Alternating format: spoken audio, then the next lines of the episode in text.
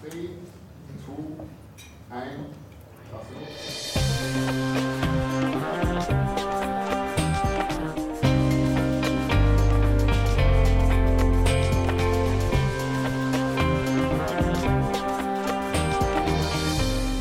Da er det en glede å kunne si hjertelig velkommen til alle dere her i Tromsø. Vi skal ha en eh, frokostsamtale, og som Lars sa innledningsvis, så er dette her også en live podkast. Mitt navn er Stein Vidar Loftaas.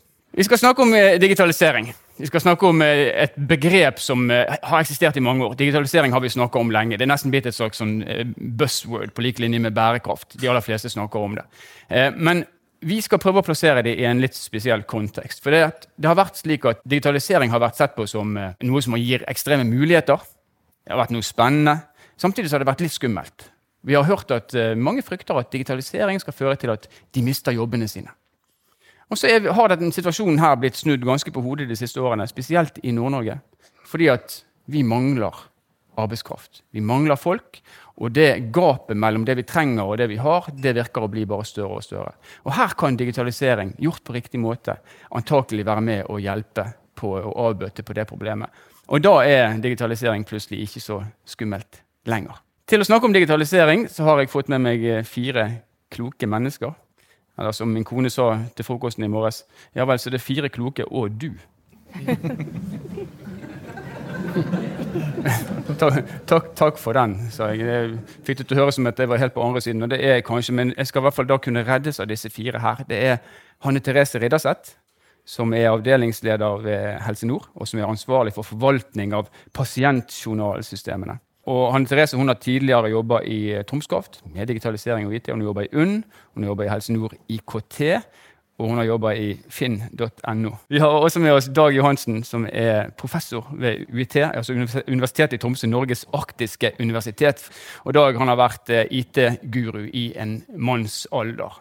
Eh, en av hjernene bak Fast Search and Transfer en gang i tiden, eh, og er i dag eh, jeg, åndelig veileder for ledergruppen til Microsoft i Norge, annet, bare for å plassere han på nivå. Så har vi med oss Kjetil Robertsen. Han er daglig leder i Lab Nord-Norge, som er en helt eh, ny satsing. Du skal få anledning til å si hva det er senere.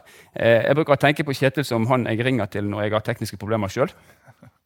Eller når det kommer nye ord som jeg ikke vet hva er, og som jeg trenger for å kunne imponere andre. Eh, da svarer han alltid pedagogisk og uten å få meg til å føle, føle meg som en tulling. Det er en god egenskap. Takk. Og så har vi i- sist, men ikke minst Petter Høiseth, konsernsjef i Sparebank1 Nord-Norge. Og dermed også sjefen for Konjunkturbarometeret. Og det er Konjunkturbarometeret som har pekt på at vi har en utfordring med bemanningssituasjonen i Nord-Norge. Så disse fire, jeg syns vi skal gi dem en applaus.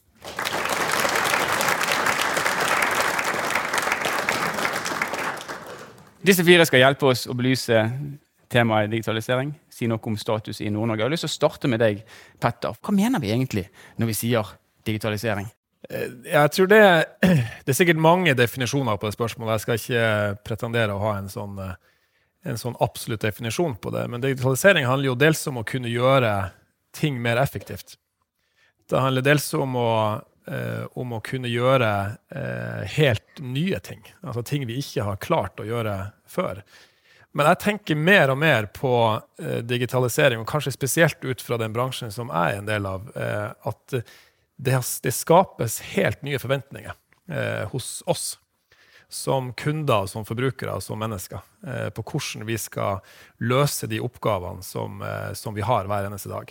Og det er noe vi spesielt kjenner på i finansbransjen, som har vært en bransje som, eh, hvor vi definerte når kundene skulle komme til oss, hva de skulle gjøre, hvordan de skulle gjøre det, så er den scenen dreid. Eh, og nå er det kundene sjøl og vi som setter premissene for hvordan ting skal, skal skje. Så der digitaliseringa handler veldig mye om teknologi, så tenker jeg mer og mer på at eh, det er mennesker som skal bruke den og anvende den, eh, som er viktigst. Så fokuset er dreid fra innenfra og ut til utenfra og inn. Men hvis vi skal se på Nord-Norge under ett. Du, du er leder av Regionbanken. Hvor langt er Nord-Norge kommet når det gjelder eh, altså generelt eh, digital, digitalisering? Ja, det, det tror jeg varierer ganske mye. Eh, hvis jeg skulle starte et sted, så ville jeg starte i det offentlige. Eh, jeg ville starta i Nasjonalbiblioteket. Jeg ville starta i Brønnøysundregistrene. Jeg ville starta i, eh, i, helsesektoren, som Anne Therese er en del av. Eh, Skatteverket har kommet fryktelig langt. Mm. Eh, og vi er verdensledende, eh, vil jeg påstå, innenfor de sektorene der. Innenfor næringslivet så tror jeg det er en variasjon. Jeg tror vi kjemper en kamp hver dag for å, for å prøve å, å holde tritt. Og så er jo nordnorsk næringsliv stort sett små og mellomstore bedrifter. Og da vil det selvfølgelig variere hvilken kompetanse du har, og hvilken kapasitet du har til å henge med i, i utviklinga. Mm. Og disse små og mellom, mellomstore bedriftene, som kanskje da i Nord-Norge er bitte små og små bedrifter, eh, mer enn mellomstore, mange av de er kunder i Sparebanken Nord-Norge. Når du ser på de i skråblikket ditt, tar de digitalisering tilstrekkelig på alvor? Jeg tror ingen ikke tar det på alvor, eh, og vi ser at det investeres. Eh, men som sagt, når du har en bedrift med, fem ansatte eller ti ansatte, så, er det noen sånne her tyngdelover som slår inn, både i forhold til den kapitalen du har tilgjengelig, og den, og den kompetansen du har tilgjengelig. Eh, men at det investeres i Nord-Norge, at det tas på alvor, så er svaret ja. Og banken sjøl, da. Vi er jo en stor bedrift, i hvert fall i nordnorsk målestokk, med nesten 900 ansatte. Hvor langt er vi kommet? Jeg vil påstå at vi har kommet ganske langt. Eh, og vi er jo så heldige at for eh, litt over 20 år siden så, så var det noen kloke mennesker også i Sparebanken Nord-Norge og en del andre norske sparebanker som erkjente at uh, teknologi og digitalisering kom til å bli en vesentlig del av den virksomheten vi skulle drive fremover. Og da bestemte man seg for å samarbeide om teknologiutvikling. Eh, og nå, noen og 20 år etterpå, så har vi i fellesskap et selskap som heter Sparebank1 Utvikling, som, som, jeg tror ubeskjent nok vil si at er det sterkeste eh, utviklingsmiljøet innenfor digitalisering eh, og finans som vi mm. har i Norge. Og i dag sitter rundt 350 ansatte eh, i Oslo. Eh, vi har et stort nettverk eh, i de regionale sparebankene, som i sum utgjør et, et virkelig kraftfullt Eh, digitalt eh, utviklingsmiljø. Vi henger med. Hanne Therese, Petter han har allerede vært innom helsesektoren. Hvordan er status hos eh, Helse-Norge? Jeg vil begynne med et eksempel. De fleste av oss, eller mange av oss har vel sett på 113 som gikk på NRK, der ambulansepersonellet har fått fancy utstyr for å koble til pasienten der og da. Og det er direkteoverføring til legene som sitter på sykehuset. Og legene kan veilede hva den rette behandlinga er. Men det vil si at nå er det sånn at Ambulansepersonell har fancy utstyr. Legene kan sitte på sykehuset og live få målinger på apparatene og kan veilede på avstand hva helsepersonellet i ambulansen kan gjøre for å få den beste behandlinga. Så på mange områder har vi kommet langt. Jeg vil også nevne at det har vært gjort store ting med at her i Nord-Norge så har hver pasient én journal og man har felles røntgensystem. Og man har også mulighet til å lese pasientopplysninger om seg sjøl på internett. Og det er en kjempefremskritt, for sånn som det var før, så måtte legene på sykehuset ringe rundt til de andre sykehusene du hadde vært på og fått behandling i Nord-Norge, for å få informasjon. Men nå er alt samla i ett system. Og det er kjempepositivt for behandlinga også. Mm. Mens i Oslo og andre deler av landet så er det ikke sånn. Da må de fortsatt ringe rundt. Så vi er kommet langt, men samtidig så er vi jo den sektoren som henger jeg det er 10-15 år etter andre sektorer. Så vi har en lang vei å gå, men det gjøres veldig mye bra. Så vi er på viktig vei fremover, tenker jeg. Og så Hvis vi skal snu det og, og se på det fra et slags brukerperspektiv, også når det gjelder, gjelder helse, eh, så vet vi at i, i, hvert fall minst i ti år så har man hørt om disse smarte løsningene for Eh, for de eldre som er syke og hjem, ønsker å bo hjemme osv. Eh, hvordan har bevegelsen vært der? Jeg har en, en mor som nylig var, eh, var, syk, og alt hun hadde, det var en komfyrvakt. Hun trengte mye, men hun hadde bare en komfyrvakt. Ja. Har det stoppa opp der, eller? Nei, altså Det skjer veldig mye, men noe av det viktigste som jeg vil si der, er at man prøver å gjøre oppfølging på avstand. Mm. At pasienten skal klare seg mer sjøl hjemme. Det går på målinger, det er smartklokke, det er dialysemaskiner som gjør at pasienten kan være i sitt eget hjem og gjøre mer behandlinger. Det sendes data over til sykehuset mm. i forhold til før, da man måtte reise og gjøre den behandlinga på sykehuset. Nå finnes det apper eller utprøving av apper der man kan sende informasjon til sykehuset. Og pasienten kan gjøre mye mer oppfølginga hjemme. Og i tillegg så er det også en stor grad tatt i bruk videokonferanser i pasientbehandlinga. som også gjør at pasienten kan være hjemme og få tett oppfølging uten å møte fysisk opp, der det er hensiktsmessig å gjøre. Så det skjer ting, og det skjer utprøvinger. Så det går fremover. Eh, så det, det, er positivt, men det er en vei å gå. Men, men, Hvordan gjør dere det i praksis når dere skal identifisere områder som har vært håndtert manuelt eller har vært gjort av mennesker, og som kan tas over av det digitale? Hvordan er den prosessen? Jeg vil kanskje si at vi har Jeg syns kanskje ikke vi har gode nok prosesser på det. Der burde vi ha vært bedre for å avdekke de her områdene. Men eh, Det er gjort en del ting, men jeg syns kanskje prosessen kan forbedres. Altså, man har fått til en del sånn selvinnsjekksløsninger på sykehuset. Man har tatt i bruk eh, enkle roboter og automatisering på en del ting, men eh, vi kan kanskje bli bedre på det med prosessen. Hva skal vi gjøre? Dag, du, eh, du kommer fra akademiasiden som professor ved Universitetet her i Tromsø. Eh, og det er jo dere som da har hovedansvaret med å fremskaffe de her kloke menneskene som skal gjøre det her mulig. Hvordan går dere frem når dere skal utdanne mennesker og samtidig se eh, hva områder i samfunnet det er man, man trenger hjelp på? Da ser vi hva som er det internasjonale behovet. For veldig mange tenker vi skal utdanne kandidater til Nord-Norge basert på nordnorsk profil. Men det eksisterer ikke noe nordnorsk profil annet enn det som var i går. Hvis vi skal være fremoverlent, proaktive og få til seriøs eh, kvalitetsutdanning her i Nord-Norge, er vi nødt til å se på hva gjør de beste på MIT, Stanford, Cornell University og, og Cambridge osv. Mm. Vi dro til Amerika. Vi, tilbrakte utrolig eh, mye eh, i nær kontakt med sterke miljøer borti Silicon Valley osv. Som gjorde at vi fokuserte på kvalitet. Ekstremkvalitet internasjonalt. Og så fokuserte vi på at vi er nødt til å utdanne kandidater som får jobb i Amerika eller i England eller i Berlevåg. Da gjør vi jobben for Nord-Norge. Men, men ja, gjør man det? Altså, hvis vi sier at Nord-Norge har et, eh, et, dedikert behov for denne type ressurser, burde ikke dere ha tenkt på at vi skal utdanne folk ikke for USA, men for det nordnorske markedet? Ja og nei. Vi har sagt at vi, vår jobb i det store og hele er å utdanne mennesker som eh, kan du si, på, på bachelornivå kan gå rett ut og gjøre en jobb i Tromsø, i Bodø, i Narvik eller i Oslo. For den, den er lik. Det er samme fundamentale kunnskapen. Og så kan vi heller utdanne ekspertene som kan gå ut og lage nye bedrifter. Gå inn og jobbe i Helse Nord, gå og jobbe i Dualog, Dips, Microsoft osv. her. For vi er utdannet toppindustriutøvere i Tromsø. Jeg leste i, um, i Dagens Næringsliv for en drøy uke siden at arbeidslivet skriker etter datakompetanse, men studentene får ikke jobb fordi at næringslivet sier at de er utdaterte allerede når de kommer ut. Og Du sier dere utdanner toppkandidater. Hva er, hva er sant? Det som er sant, er at begge delene er sant. og Det har vi sett i alle år. og Det er jo derfor vi til enhver tid har sagt siden vi er så små i Tromsø, så er det utrolig viktig at vi holder topp internasjonal kvalitet på utdanninga vår. Og vi har blitt kritisert fra en rekke hold, både i Nord-Norge og ikke minst sørpå, på at vi har fokusert på sånn grunnleggende det vi kaller for distribuerte system i 30 år. Men det er det som ligger i bunnen av det Johanne Therese jobber med. Det er det som ligger i bunnen i det Sparebanken, Fintech. Det er det som ligger basisen for for enhver SMB-bedrift i dag. Mm. Og det er det vi har fokusert på. Så får vi heller si reis gjerne ut, men kom nå hjem igjen, da. Ja, vi, vi, alle mine doktorstudenter tilbringer vel et år på Cornell University. Det samme som en i akademiet til TIL tilbringer et år på Liverpool, og så kommer tilbake med kompetanse.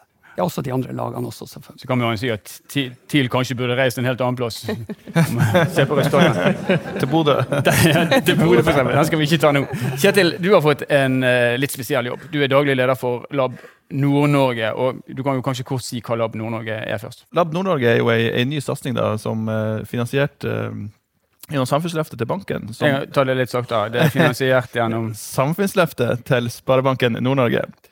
Eh, og det er jo nesten som å, å være en startup med, med, masse kapital. Det er en fantastisk mulighet eh, for landsdelen. Eh, vi skal hjelpe det nordnorske næringslivet med å ta tak i problemstillinger som, eh, som, de måtte ha, og som de kanskje ikke vet om at de har. Mm. For sånn som vi kjenner markedet i dag, så går det utrolig raskt. Altså, alt skjer så fort, og det skjer gjerne fortere enn hva vi kan tenke oss eh, sjøl. Mm. Men dere skal ta tak i problemer som bedriftene i Nord-Norge kanskje ikke vet at de har. Hvordan, hvordan skal man gjøre det? Vi tenker jo bl.a. samarbeide med, med, akademia eh, og flere selskap her, her både i Nord-Norge og i utlandet, og kunne tilføre kompetanse til Nord-Norge. Eh, vi ser også for oss å, eh, å kunne presentere dagsaktuelle problemstillinger gjennom foredrag osv. Men vi ser også for oss at vi kan få fram problemstillinger, og vi skal også være den personen som, som kanskje utfordrer næringa med Har du tenkt på at kanskje det kan være et scenario at man, man utfordrer litt på den, den driftsmodellen man har i dag, eh, og den, den løsninga man, man, tilbyr? Eh, det, det bedriften da eh, produserer eller lager i dag. Men Hvis jeg spør deg konkret om det som kanskje er hovedtemaet her, mangel på mennesker, god digitalisering kan bøte på dette. her. Hvordan vil du tenke at du skal gå frem for å, for å ta med deg den problemstillingen i det, den jobben du har i, i Lab Nord-Norge?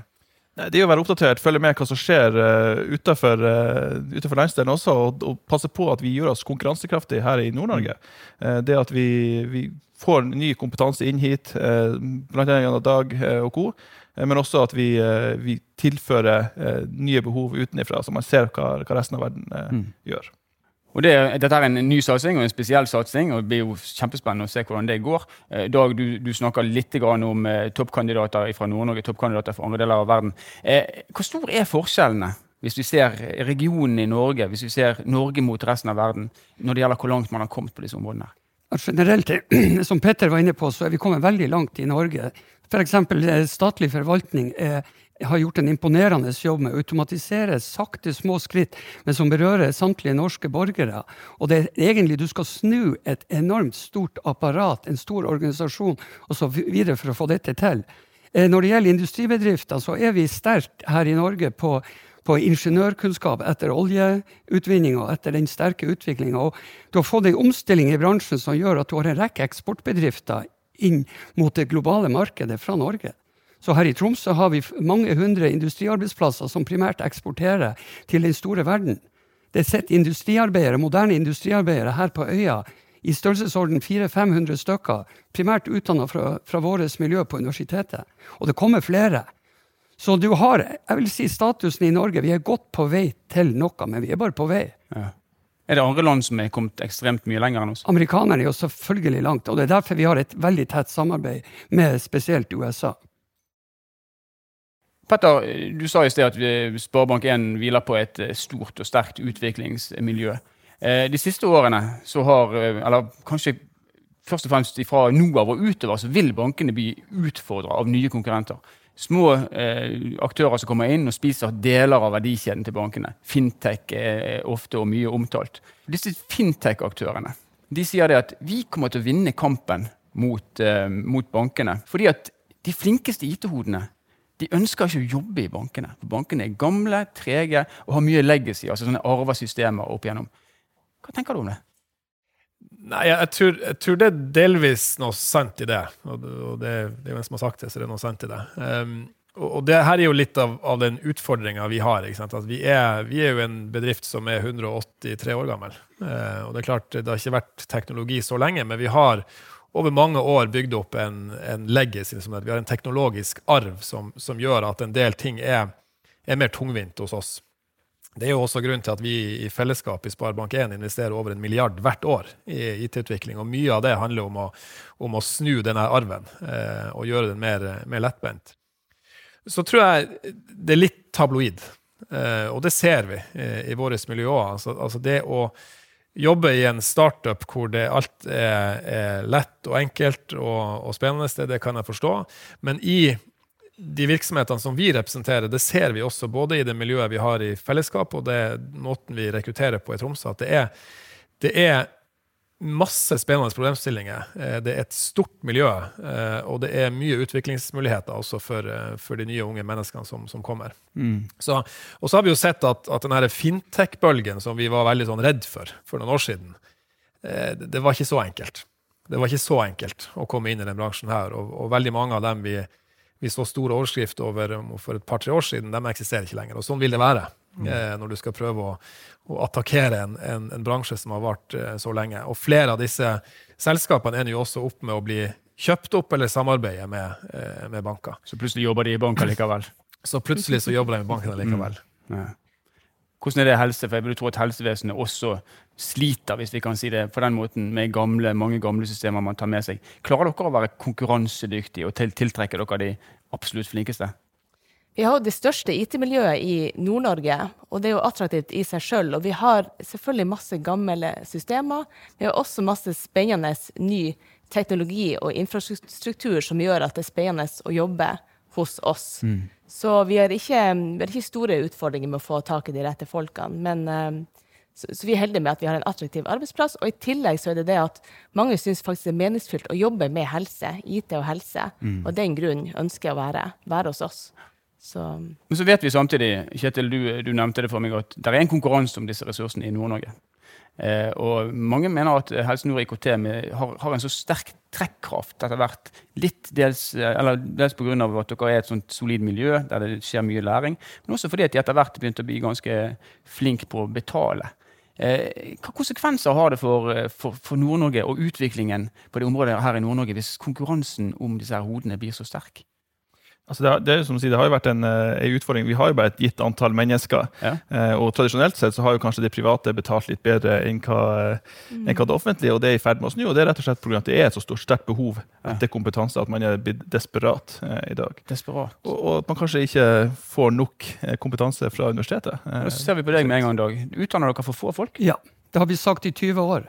Men nå har de gjort, eh, gjort grep. Vi har sagt for ja, igjen i en 20-årsperiode at dette her kommer til å skje. Altså det, det, det som skjer nå, er noe vi har predikert. Og det som skjer nå er at Universitetet har tatt grep, og vi opprettet flere nye studieretninger, bl.a. innenfor helseteknologi, der vi tar opp 20 masterstudenter i året for å nøyaktig gå ut og lage toppkandidater inn mot helsemarkedet, som kommer til å være enormt stort. Vi ser nå at uh, det er vel så mange kanskje IT-arbeidere på et universitet etter hvert som det er spesialistleger. For at det moderne operasjonsfallet i dag består ut av roboter og teknologi lagd ut av personer sånn som meg. Sjøl jobber jeg f.eks. med gastroanalyse og kreftanalyse eh, med presisjon og, og, og AI-teknologi. Med, eh, med løsninger som gjør at du kan predikere med 95% sannsynlighet forekomsten av kreft i tarmsystemet. Som et eksempel på hvordan vi jobber. Det andre er at vi også oppretter datasikkerhetsstudium. Så det skjer noe. Men det store problemet er egentlig hjemme i de tusen hjem, med alle de jentene vi ikke får med på dette. For vi trenger topputdanna kandidater. Vi trenger tilfang på, på jenter. og Foreløpig har vi 15% cirka, av de som starter på dette studiet, som er jenter.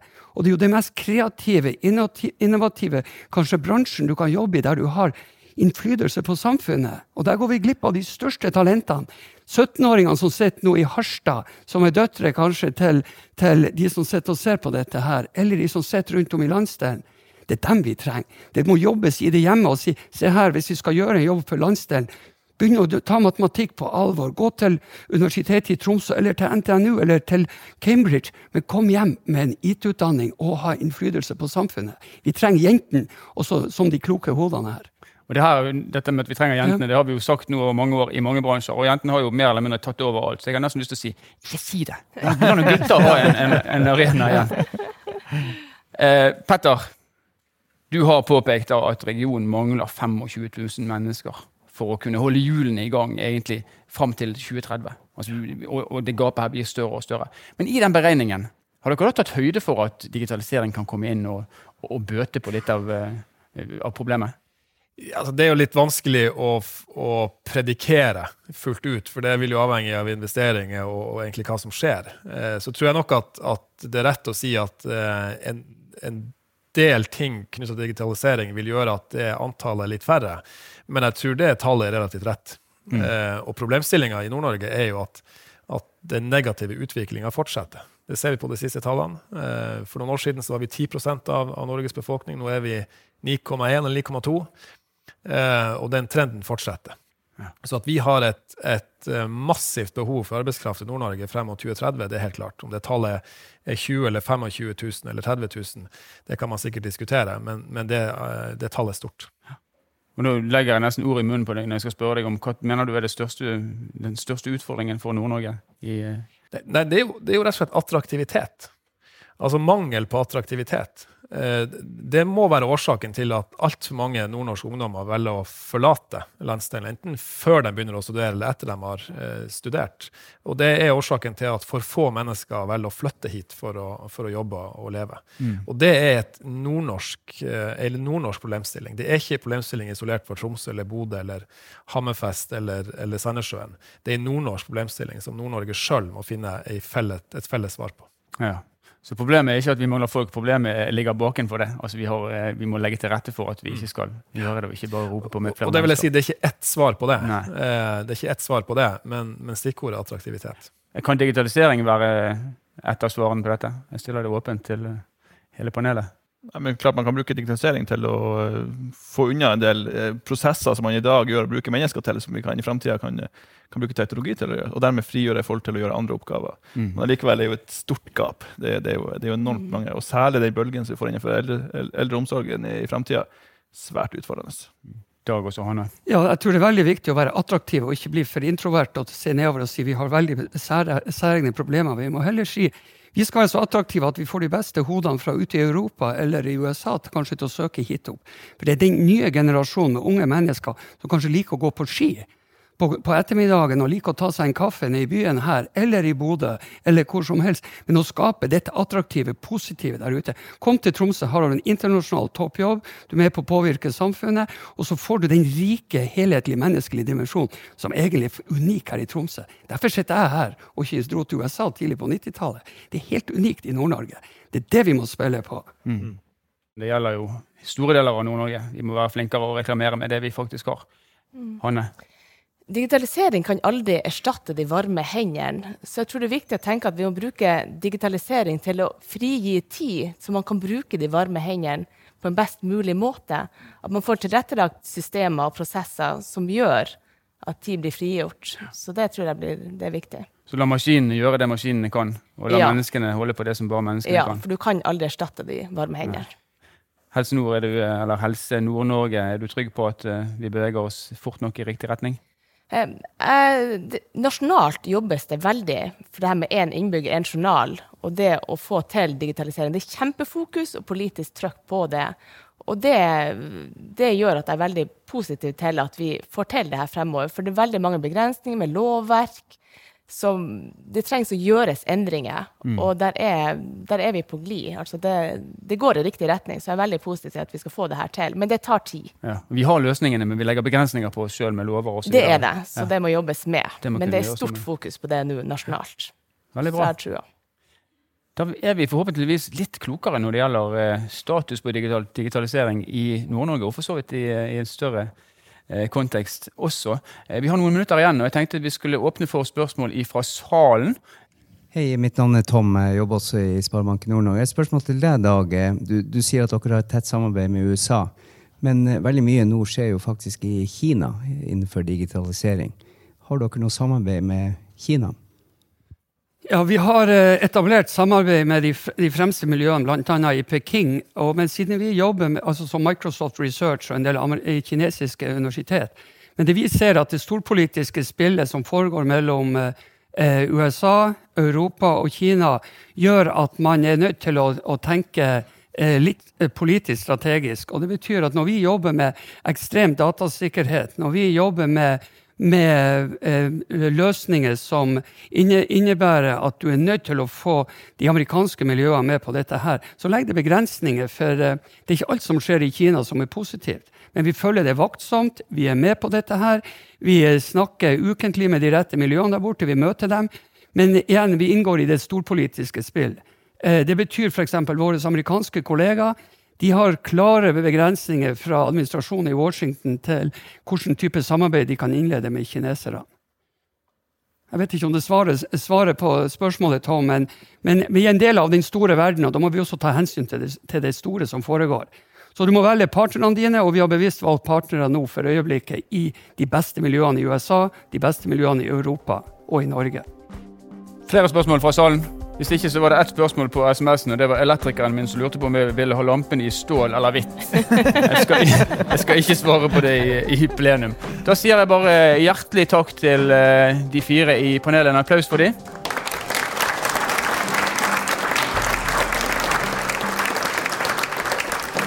Og hjertelig takk til dere som kom eh, for å høre på. Ha en vakker dag videre.